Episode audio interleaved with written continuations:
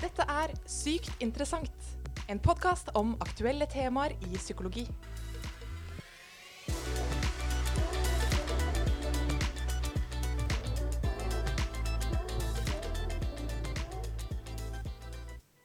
Hallo og velkommen skal du være til en ny episode av Sykt interessant.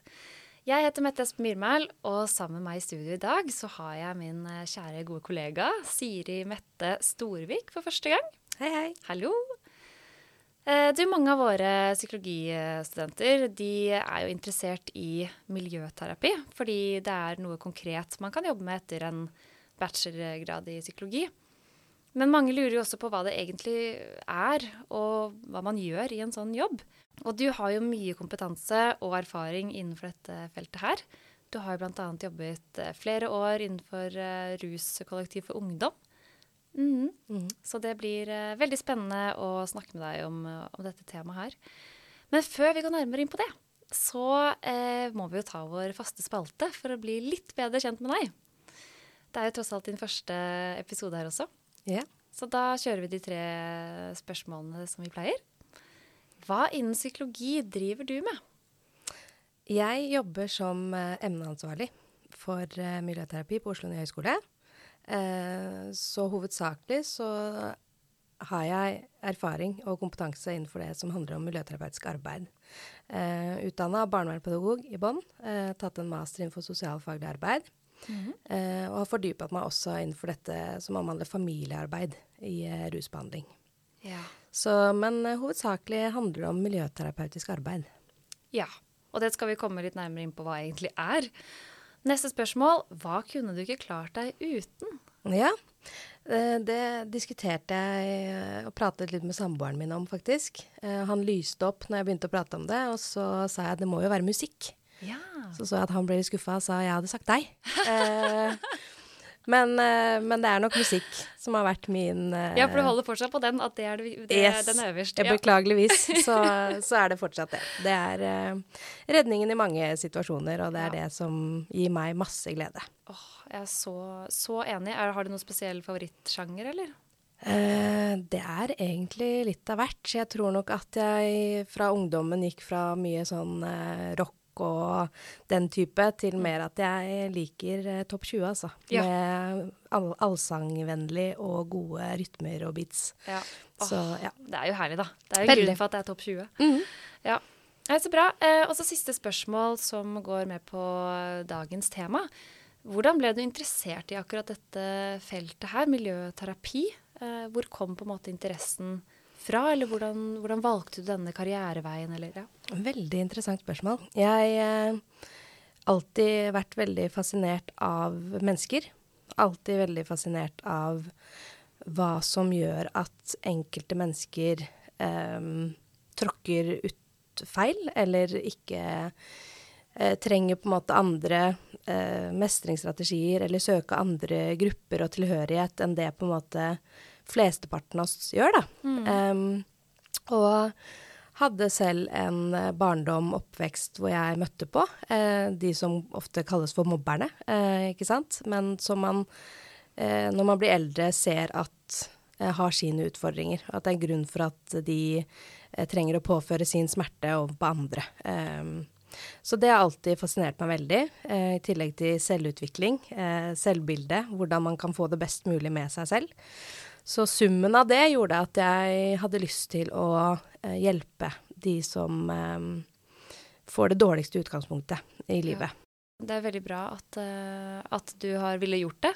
Og så utrolig viktig med de som faller utenfor. Og det er som du sier da, at de som f.eks. er mobbere, ja, de har jo ofte en historie selv. Og hvis man da kan forebygge eh, ved å gjøre miljøterapi eh, og jobbe med ungdom, så kanskje man kan forhindre ja, f.eks. mobbing eller andre eh, former for uhelse, da. Mm. Ja. Det er veldig spennende. Jeg tror vi bare må sette i gang med, med temaet, ja, med miljøterapi, sånn at vi får blitt litt mer kjent med hva det egentlig er. Ja.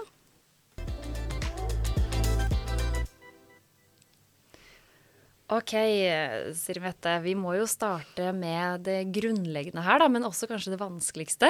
Mm. Kan du prøve å forklare hva miljøterapi egentlig er? Ja. Og da må jeg bare først og fremst si at uh, de mest erfarne på feltet også syns det er veldig komplisert innimellom å skulle forklare hva miljøterapi er. Uh, men hovedsakelig, da, for å si det så enkelt som mulig, så handler miljøterapi om at man uh, organiserer og legger til rette for forandring og utvikling for en spesifikk målgruppe. Eh, men så hører man jo at det er jo veldig overordna, ikke sant. Veldig lite spesifikt. Eh, ja. ja. Så eksempelvis så kan man jo ta min erfaring med å jobbe på ruskollektiv. Så handler det om at vi eh, måtte definere noen rammer, noen strukturer, noen regler. Et rammeverk, eh, et fagsyn. Altså man måtte ha en kompetanse eh, på den målgruppa man skal hjelpe. Så man måtte ha en ramme om forståelse for hva trengs for å hjelpe den gruppa. Så måtte man organisere det, sette det inn i et system. Og så måtte man også bli eksperter på eh, den målgruppa man skal hjelpe. Så det vil si at rusungdom, da, da må man jo ha en kompetanse på eh, hvorfor begynner ungdom å ruse seg. Ja. Hva kan være eh, de utviklingspsykologiske eh, eh, forståelsene av det? Eh, livsbetingelser, oppveksthistorie, eh, ja, alle disse tingene som kan påvirke deg til å ta eh, feil valg, da. Ikke sant? Ha en forståelse for hva det kan handle om.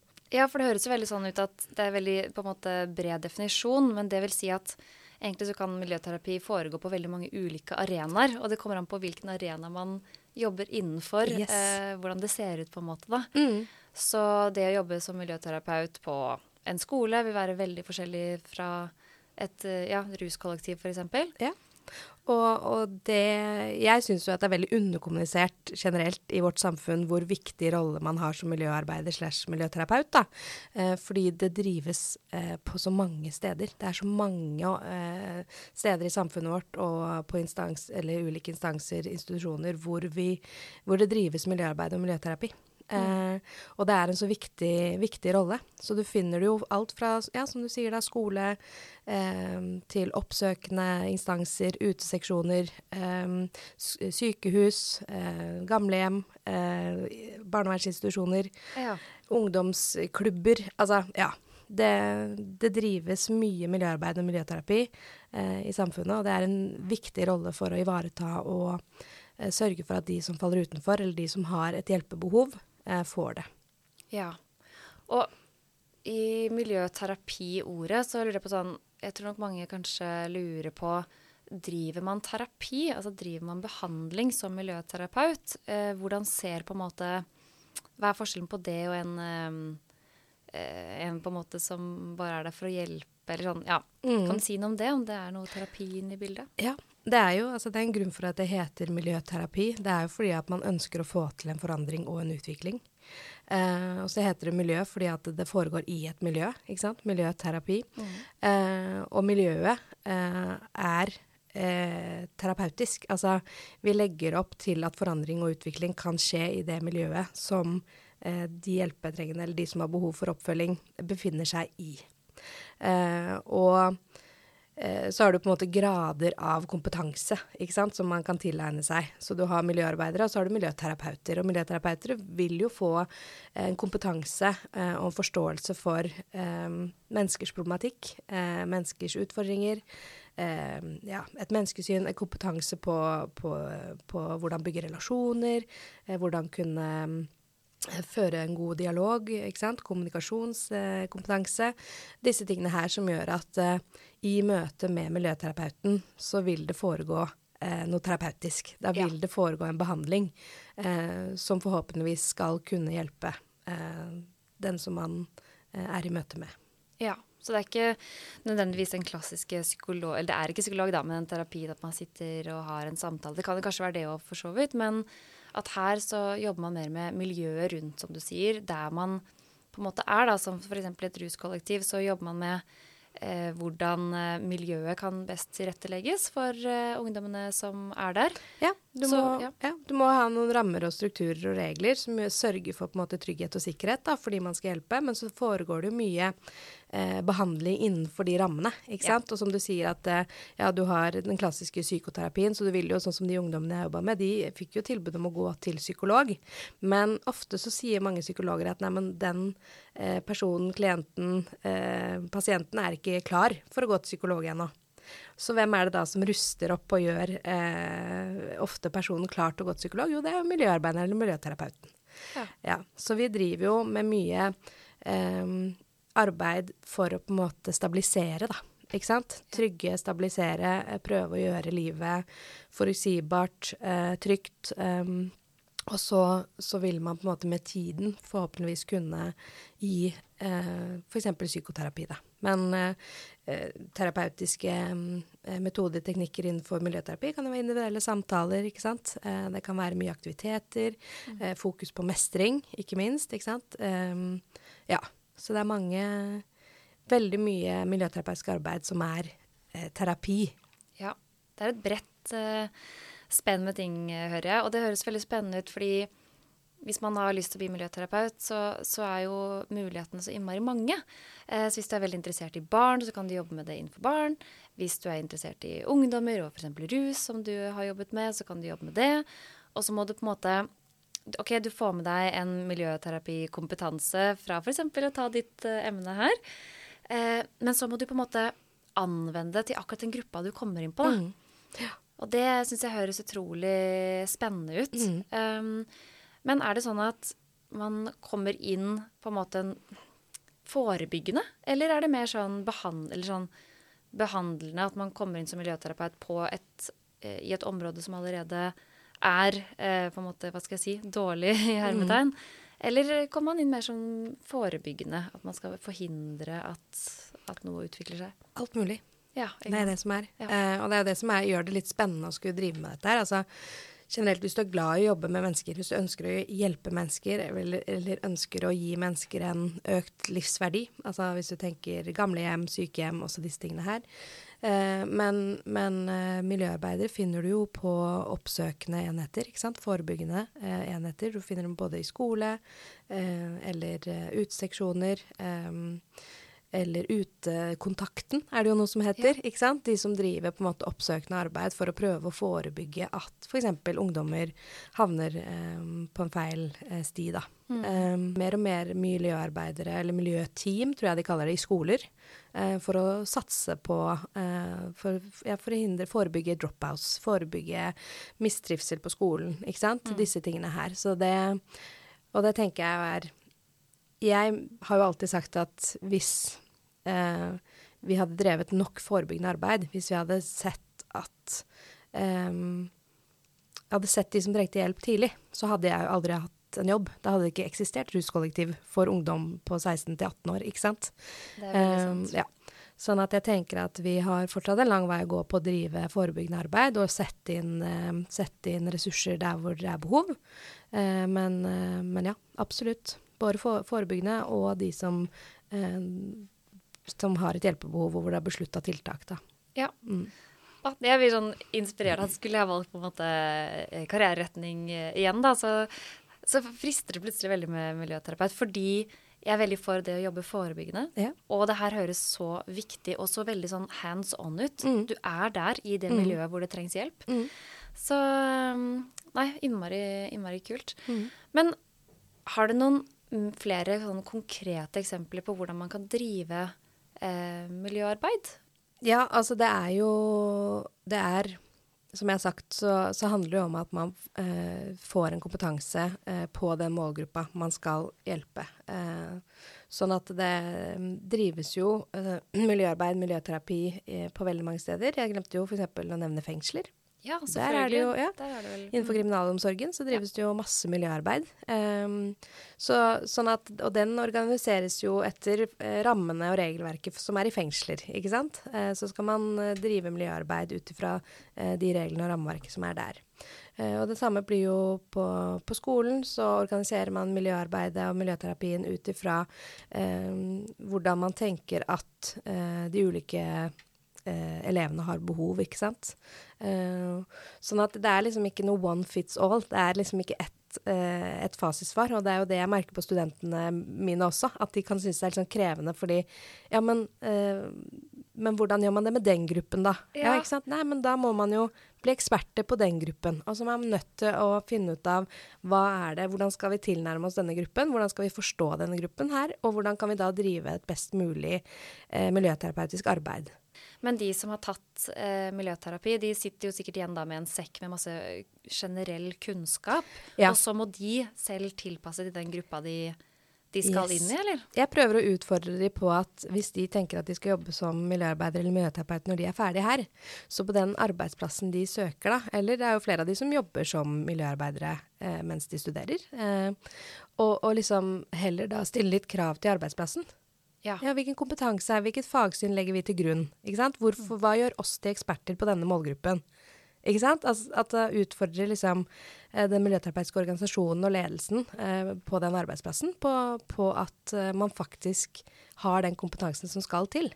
Fordi- Så det er noe av den viktigste kompetansen du lærer til studentene, da. Den der med å ha nesten litt den selvtilliten i rollen som miljøarbeider. Og den er jo nesten litt avgjørende. Ja. Og så er det noe med at det, som man vet i alle jobber hvor man er ny, så er det ikke li like lett. Det er ikke så lett å komme inn der på fengselet og bare skulle ha superselvtillit på at hello, jeg skal hjelpe dere. Nettopp. Så at det er jo noe med at man vil jo gjerne føle seg litt fram, man vil jo gjerne forstå. Men så tenker jeg at som miljøterapeut så kan man innimellom stå også i veldig mange krevende, belastende situasjoner. Eh, som eh, kan bli alvorlige, som kan få fatale konsekvenser. Ikke sant? Så det må liksom være trygg i rollen. Det må liksom vite at eh, dette er sånn vi forstår eh, den problematikken, eller den målgruppen som vi skal hjelpe. Eh, og dette er mitt spillerom. Dette er handlingsalternativene mine hvis det eller det eller det skjer. Det, som miljøterapeut så er man nødt til å være trygg på det for å kunne drive et godt miljøterapeutisk arbeid. Ja. Eh, for hvis ikke så kan det jo hende at man baserer eh, eh, den jobben man skal gjøre sin på frykt. Eller på at man selv er i en form for beredskap, eller er aktivert, ikke sant.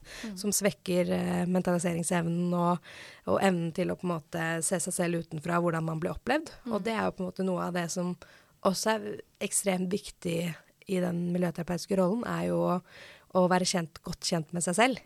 Ikke sant? Hva signaliserer jeg nå? Er jeg en trigger? Ikke sant?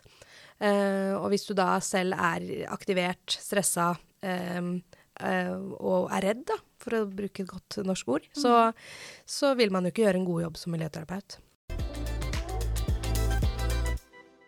Jeg ble mer nysgjerrig på den mentaliseringsevne. Hva, hva måte, Kan du forklare litt mer hva det er, og hvorfor det er viktig i miljøterapi? Altså, mentalisering i seg selv eh, sier man jo at også er en veldig god eh, miljøterapeutisk tilnærming. Så ikke bare det at man skal jobbe med å øke mentaliseringsevnen til de man hjelper, f.eks. ungdommene som jeg har jobba med. ikke sant? Det med at de kan lære seg å eh, forstå meg, hvorfor jeg reagerer f.eks., eh, og at de greier å se seg selv bedre utenifra. Eh, men for, kunne, for at vi skal lære andre, eller hjelpe andre, eh, til å få økt mentaliseringsevne, så må man jo selv være veldig bevisst sin egen mentalisering. Og hvor, hva er det som gjør at eh, min mentaliseringsevne svikter? Hva er det som plutselig kan gjøre at nå eh, nå tenkte ikke jeg rasjonelt. Der på en måte handlet jeg kun på følelser, og mitt alarmsystem i hjernen bare var helt eh, på. eh, Og mista på en måte evnen til å eh, se meg selv, da. Eh, og det tenker jeg, det å kommunisere det, det å kunne prate eh, sammen med kollegaene dine, de andre miljøterapeutene, om hverandres mentaliseringsevne, og utfordre hverandre på det. Ja. Ikke sant? Og det krever et trygt og godt arbeidsmiljø, Yes. tenker jeg. Og det krever at du er villig til å, å se innover. Se på seg selv. Være ærlig om at de For vi er bare mennesker. Let's face it. Alle har triggere. Yes, Alle- alle, har triggere, og vi har ting vi har opplevd i vår egen oppvekst, ikke sant. Og det er jo ikke til å legge under en stol at veldig mange som har lyst til å jobbe med mennesker, kanskje har vært i behandling selv. ikke sant? Eh, jeg vet jo flere av studentene på Oslo Nye høgskole har jo, Uh, har jo selv en erfaring. Eh, og tenker at de har opplevd god miljøterapeutisk arbeid, de har opplevd at det funker, og da vil de også gi tilbake. Og det er veldig fint utgangspunkt. veldig Men som du sier, Ja. veldig viktig også da, da ta den jobben med seg selv. Yes. Og være ydmyk på at man, alle har sine ting. Spørsmålet er bare hva, og Mm. Yes. hvordan skal man håndtere det, da. Det er nettopp det, og det å og Jeg syns det er så flott, fordi man har uh, ofte med seg mye kompetanse gjennom at man har opplevd ting selv. Ja, det kan Men det å, da, ikke sant, det å ha bearbeidet det og greie å anvende det da konstruktivt, eh, det kan innimellom være en jobb. Ja. Mm. Ja. Og, eh, og det, du trenger ikke ha opplevd traumer eller omsorgssvikt eller uh, jævlige ting for at det kan være krevende. Fordi det handler også om at man må anerkjenne, og, eller erkjenne, er rettere å si, at uh, kanskje man ikke tok helt riktig valg, eller at man uh, Ja, i den situasjonen der med, med Kåre, så gjorde jeg en feil. Stakkars Kåre. Stakkars Kåre, ja. Nei, men det er noe med den Det å liksom faktisk være ærlig om sine utfordringer, da. Eller følelser. De følelsene som vekkes i deg. Eh, Det tenker jeg er avgjørende for å bli trygg i rollen som miljøterapeut. Ja. Og dessverre så tror jeg at det råder innimellom noen litt sånn su eh, superhelttendenser. At man eh, skal tåle alt, det er bare å stå i det. Ja, Ja. eh, dette går over dette òg, ikke sant? Du skal takle alle følelser helt perfekt Ja. eh, hele tiden, Ja. og holde deg rolig under enhver situasjon. Ja. Mm. Og, og på en måte Det- skal være sånn eh, ja, Supermenneske. supermenneske. Ja. Og det, det er vi ikke. Og det eh, veiledet jeg veldig mye på i min, eh, når jeg jobba på kollektivet. Eh, etter hvert så begynte jeg å jobbe som ledende miljøterapeut, og da var det så viktig for meg å si noe om at ikke liksom ikke gå imot eh, det dere kjenner på. Ikke ta på dere en maske. Eller eh, Fordi ungdommene er jo eksperter på å avsløre deg. Mm. De ser jo, ikke sant. Og, og de, mange av de hadde jo blitt eksperter på å holde mennesker på avstand. Og de,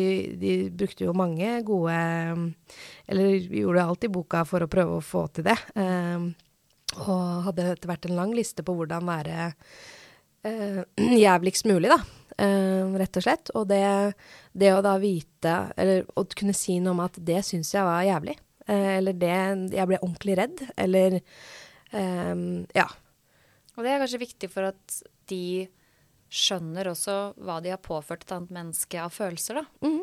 Eh, apropos den mentaliseringsevnen. ja At man da gir en tilbakemelding. Yes. Og så må man samtidig vise en forståelse for at man skjønner Ja. hvorfor eh, ungdommen reagerer sånn som den gjør. Eh, og det er kanskje noe av det som har forandra seg litt med årene. Heldigvis, vil jeg si. Eh, da jeg begynte å jobbe som miljøterapeut på, i 2010, var det vel, da var jeg ferdigutdanna, så, så begynte det skiftet, opplevde jeg, da. Fra veldig sånn paternalistisk, eh, litt sånn eh, Drev litt behandling basert på frykt. Ok, Eh, Veldig ja. med en hard hånd, liksom. ja, litt sånn til at vi har eh, gått mer over til å ha en forståelse for eh, smerteuttrykk, ikke sant. Um, forstår konsekvensene av traumer. Um, og blitt veldig mye fokus, i hvert fall innenfor barnevern, på dette traumebevisst omsorg. Um, og så tror jeg kanskje det har bikka litt for langt igjen til at noen steder har det blitt litt for brukerstyrt. La oss si på en barnevernsinstitusjon at det er ungdommene som eh, styrer showet. At, Ja, sant? at det blir mer at de er på oppbevaring og egentlig ikke får den hjelpa og tryggheten, kanskje, da, Ja, som de har behov for. Eh, for det med å sette tydelige grenser Ja. er jo også en, en viktig trygghetsfaktor, da. det er det. Hvordan bruker man psykologifaget i arbeidet med, med miljøterapi? Nå har vi vært litt Vi har jo egentlig vært litt innom det, da. At de lærer mye om sånn relasjonskompetanse, mentalisering. Ehm, ja, hva annet, uh, hvis du kommer på noe, er det Ja. man kan bruke? Jeg har jo eh, lagt opp emnet, eh, for det er jo sånn som jeg har sagt, det er jo komplekst. Det er eh, mangefasettert, det er sammensatt eh, hva miljøterapi er. Eh, så derfor så har jeg tenkt, ok, for å gjøre det mest mulig forståelig, eh, så har jeg lagt opp i, i emnet at man lærer om de ulike tilnærmingene man kan ha. Ja. Ja. Så for eksempel så har du, som vi har vært inne på, mentaliseringsbasert tilnærming. Eh, du har eh, tilknytningsorientert tilnærming. Du har eh, traumebevisst tilnærming. Du har, har recovery-orientert tilnærming. Og, ja, og så har du mer sånn mer hva skal jeg si, som ikke brukes i ren form lenger, men som kognitiv miljøterapi og atferdsorientert miljøterapi. Eh, ja, som er eh, ulike tilnærminger eh, hvor man kan sette det inn i en utviklingspsykologisk forståelse, da. Um, ja. ja, så, så tilnærming, ikke sant. Det er jo ulike på måte, perspektiver på hvordan man kan forstå noe. Ja. Så la oss ta dette Kåre-eksempelet, da, som du kom med i stad. Eller et eller annet har skjedd med Kåre.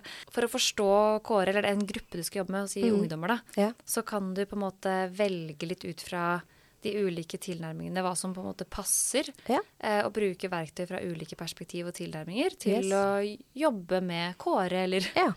eller, andre på hans alder. Ja, og mm. det handler jo igjen om dette med å på en måte eh, være en ekspert, da. Eller være, ha den kompetansen som eh, kreves for å kunne hjelpe akkurat den målgruppa.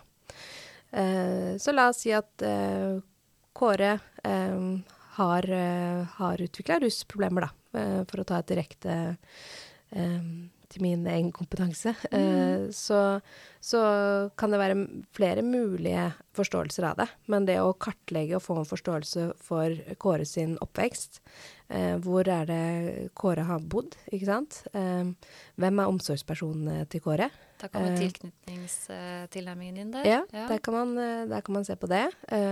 vet vi om det har vært, om Kåre har vært utsatt for omsorgssvikt? Mm. har han blitt påført traumer? Um, hva har oppvekstbetingelsene til Kåre vært, ikke sant? Um, har, hvem er omsorgspersonene? Sliter de selv med ting? Um, og ja, man må liksom kartlegge uh, Kåres historie, da. Uh, og så kan man basere på en måte tilnærmingen sin på det. Mm. Uh, og så legger man også opp behandlingen litt ut ifra det, da. Ja. Så la oss si at Kåre har blitt utsatt for mange, masse traumer, da, komplekse traumer opp igjennom, og um, har, uh, er litt sånn konstant litt sånn i beredskap. Mm. Uh, uh, bare dårlige samspillserfaringer, ikke sant. relasjonserfaringer. stoler ikke på noen. Alltid litt på vakt. Um, jeg ser for meg Kåre. Ja, så, så, vil det jo være avgjørende at vi har en forståelse for hva det handler om i tilnærmingen. Ja. Og så må man tenke OK, eh, grunnleggende kjernekompetanse innenfor miljøterapi er jo relasjonskompetanse. Ja. ja.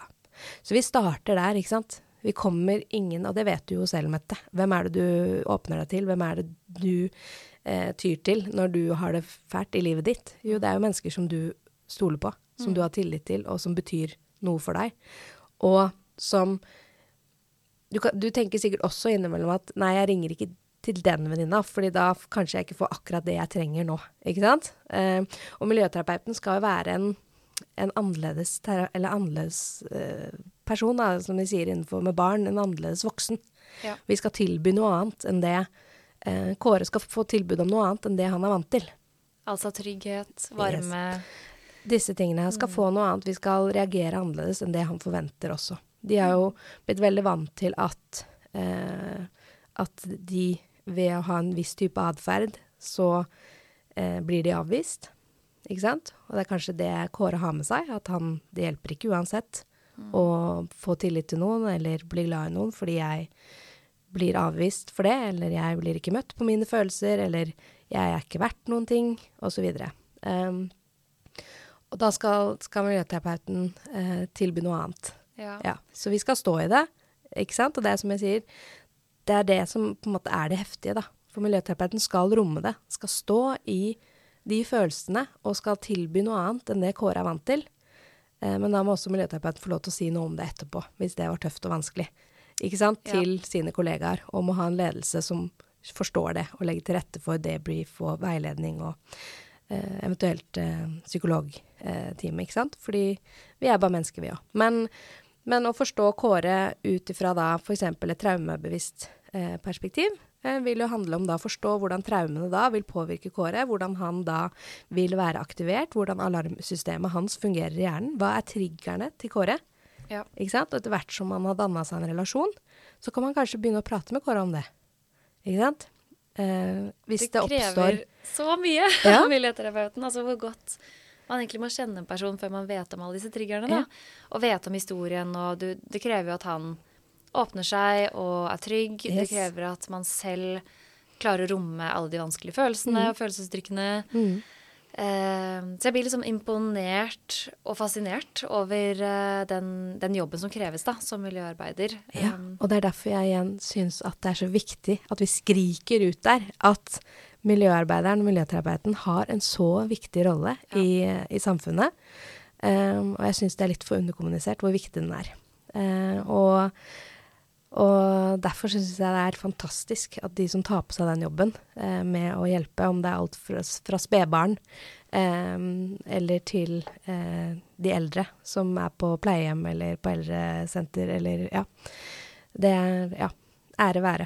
Ja, virkelig, altså. Og du også, du har vært inne på det, da, men du også har jobbet som miljøterapeut. Ja. Eh, kan du dele litt mer fra det? Hvordan det var? Altså noen erfaringer? Eh, har du noen spesielle episoder du husker hvor du fikk bruk for eh, noe av kompetansen, eller, eller hva som helst? Noe fra, fra jobben? Ja, nå spør du godt, da. Det er jo et hav. Men eh, jeg må bare si at jeg hadde jo en veldig unik eh, arbeidsplass. Eh, og det høres jo helt vilt ut for mange, men eh, jeg jobba jo 14 døgn på, og så var jeg 14 døgn hjemme. Oi. Så jeg dro på jobb, eh, forlot mitt eget liv, eh, og så var jeg 14 dager på jobb sammen med disse ungdommene. Og jeg jobba da på et ganske stort kollektiv, så det kunne være inntil ti ungdommer. Eh, og når jeg tenker på det nå i etterkant, altså ja, det er eh, så så var det, det er helt fantastisk. Jeg har utelukkende gode følelser på det, selv om jeg har vært redd. Jeg har eh, eh, vært så sliten at jeg nesten har eh, kasta opp. Jeg har eh, grått. Jeg har eh, eh, gått med Vært aktivert, hatt høy puls en hel Altså sånn over flere dager. Altså, ja. Du får ikke nok søvn. Altså, det er veldig mange ting, da. Men jeg tenker at fy fader, for et fantastisk måte å danne relasjon på. Ja. Ja. Eh, skal du jobbe med, med ungdommer som eh, er innenfor barnevernet, så er det jo sånn at eh, det er lover og regler som bestemmer. Og den gruppa jeg jobber med, de ble plassert inntil tolv måneder. Eh, og de har kanskje levd 16-17 år allerede, hvor 16-17 år skal ryddes opp i. hvor 16-17 år skal uh, uh, gjennomgås. Og de har jo funnet nå overlevelsesstrategier som funker for dem, ikke sant. Uh, I hvert fall, altså, som jeg sist sa til de, at de var jo kjempesmarte. Det er ikke sikkert mange av de hadde vært her i dag hvis det ikke hadde vært for at de hadde begynt å russe seg. Det var liksom redningen, ikke sant. Det er jo en grunn for at de har startet med det. Ja. Det er jo en overlevelsesmekanisme. Yes. Og eh, som jeg sa, du har jo vært smart. Det er bare at det her funker veldig dårlig i lengden. Ja. Ikke sant? Det er, det er redningen din her og nå. Men ønsker du eh, et langt, godt liv, så må vi jo gjøre noe med det. I tillegg så ble disse ungdommene plassert mot sin vilje. Så da kan du jo putte på at det krever litt å, å få de motivert.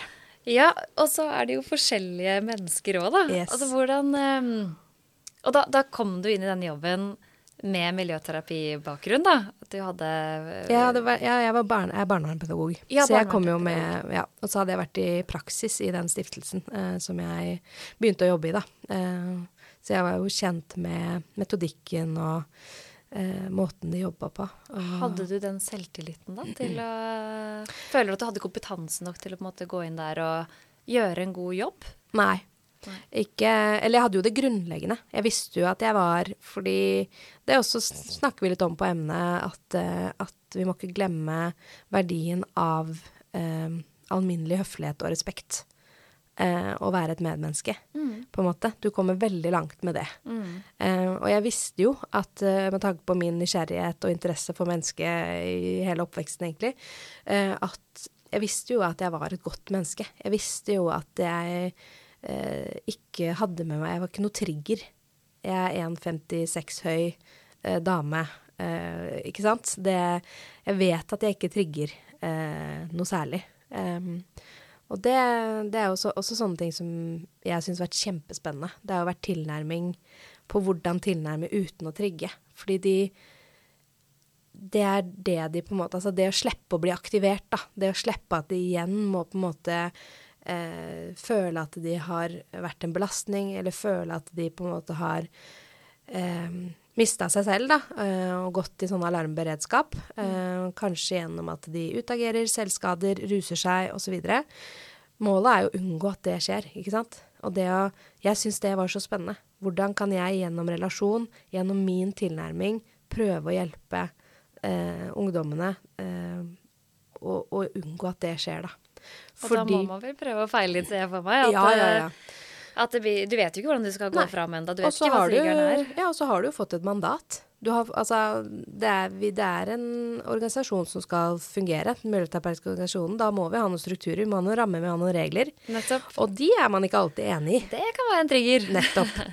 Da, men det er jo der på en måte relasjonen eh, kommer til grunn. ikke sant? Ja. Det er der man må liksom jobbe mot å, å, få en relasjon som gjør at Kåre kan forstå hvorfor vi har de reglene. Mm. Eh, og det var veldig viktig for meg som miljøterapeut å skjønne alle reglene. Og så var det viktig for meg å kunne eh, forklare Kåre eh, hvorfor de reglene var, også var viktige for han hvis han skulle greie seg senere i livet. Ja, nettopp. Sånn at du ser det større bildet nesten med, med grensesettingen. Yes. Og at hvis det trigger veldig, da, så kan du forklare ja. eh, hvorfor. Og at det kommer fra deg, er kanskje mm. eh, bedre som en trygg og, og varm eh, person, heller enn bare en grense som blir satt fra noen autoriteter. Ja lenger opp, da, som mm. kanskje er mer triggende. Ja, eller hvorfor man må opp om morgenen, f.eks. Ja. Hvorfor man må dusje. Hvorfor man må øh, vaske rommet sitt. Hvorfor man må bidra til fellesskapet. Altså disse tingene her, da, øh, er jo avgjørende også i øh, For å liksom kunne fungere i samfunnet, i mm. livet, resten Ja. Så, så, det var viktig for meg, fordi jeg ville ikke at noen regler skulle være sånn at jeg gikk inn og satt en regel, og så skjønte jeg ikke egentlig helt hvorfor. Nei, da det ble du kanskje gjennomskua ganske fort? Yes, da ble det jo ikke ekte. Nei. Og dette med kongruens er jo avgjørende innenfor uh, for miljøterapi. Det med at du er ekte, at, at uh, handlingene dine, det du utlyser, samsvarer med det du sier. Hvis ikke så blir du avslørt med en gang, ikke sant sam, være samstemt ja. med handlinger og Ja, mm. helt riktig. Ja. ja um, Men det tok tid. Jeg ja, brukte, det det. Og jeg ble jo kasta inn i det fordi jeg var 14 døgn på jobb, ikke sant. Sånn at da blir du jo virkelig liksom Da kast, blir du kasta i det. Men jeg følte at det tok i hvert fall et år før jeg kunne si at liksom OK, nå begynner jeg å finne ut litt hvem jeg er som miljøterapeut. Det tror jeg gjelder i de fleste jobber, faktisk. Ja, det gjør man, man, trenger gjerne et år eller kanskje mer. Ja. Så det er litt godt å høre at du sier også. Mm. Eh, det er litt sånn ydmykt å si, men at det, det, er, eh, det, er, sånn det er, da. Ja. Um, men jeg bare kommer ikke 14 dager på 14 dager. Så da bodde du der, rett og slett? Ja, bodde og levde det samme ungdommene. Ja. Ga de god klem på natta eller når de skulle legge seg, og var der på morgenen og sa god morgen. Og det var jo noe helt fantastisk med det. Mm. Uh, det gjorde jo at det var langt færre ansatte ansatte som kom og gikk på og av, og det var veldig sånn en kontinuitet i omsorgen for disse ungdommene. For de visste at nå kom Siri Mette, da skulle hun være i 14 dager. Det må være så fint. Jeg har jo skjønt ut fra det jeg har lest om, eh, om dette her, at det med, med, trygghet også innebærer på en måte å ikke ha utskiftning av personer hele tiden. Mm. Eh, som kanskje er spesielt viktig for den gruppa der, da. Ja. Um, så det at de la til rette for at samme person kan være der så lenge. Mm. Det høres jo veldig riktig og viktig ut. Mm, absolutt. Mm. Og det var, eh, det var, en helt fantastisk måte å, å jobbe på. Og eh, det har jo blitt mye kritisert, den type medleverturnus, da. Eh, og jeg vet at i i dag så er vel den vanligste turnusen er vel sånn 3-7-4-7-turnus. Og jeg tenker at for enkelte målgrupper, når man skal jobbe med enkelte målgrupper, så er det sikkert det mer enn nok, da. Eh, men, eh, ja. men jeg tror man får veldig mye gratis av å bo og leve med ungdommen over tid, da. Ja, for da, da får du en, kanskje en bedre relasjon mm. litt mer automatisk fordi ja. du bare er der. Ja. Og det er en trygghet i seg selv. Yep. Mm. Og jeg ville aldri vært de årene foruten. Nei, det høres utrolig spennende ut. Mm. Det, og så sier det så sier så mye om deg òg, at mm. du hadde lyst til å gå inn i en sånn jobb. For det er jo veldig, veldig krevende, men jeg tenker at det er det ganske genuint. da, At mm. man ønsker virkelig å hjelpe. Ja. Og, og, det er jo helt fantastisk. Vi trenger sånne personer. Mm. Så jeg håper også noen som hører på nå, blir inspirert til mm. å gå inn i en sånn her type jobb. Fordi fy søren, som du også har sagt, dette er viktig. Mm. Og her kan man gjøre en utrolig eh, sentral jobb, da. Mm. Mm. Definitivt. Ja, det var eh, fine, kanskje avsluttende ord, hvis ikke det er noe du brenner inne med? Nei, jeg kunne sitte her til i morgen, jeg, vet du. Ja, det tror jeg faktisk jeg også kunne gjort. Jeg bare ser på klokka at vi må avslutte. Men jeg synes det er så, så spennende å snakke om dette her. Og ja, det er jo sånn når vi først setter i gang, så går jo skravla. Ja. Så det, Det vet vi. yes, nå må jeg sette en grense her. Eh, men tusen takk for at du delte masse spennende kunnskap om eh, miljøterapi. Eh, og hvis du som lytter er interessert i dette, så anbefaler vi deg å ta emnet på Oslo nye høgskole. Så møter du jo Siri Mette der. Så, så med det så ønsker jeg lytterne en fin uke, og du også, Siri Mette. Takk Så for det. vi snakkes på podkasten igjen. Ha det bra. Ha det. Du har nettopp hørt en episode av Sykt interessant. En podkast om aktuelle temaer i psykologi.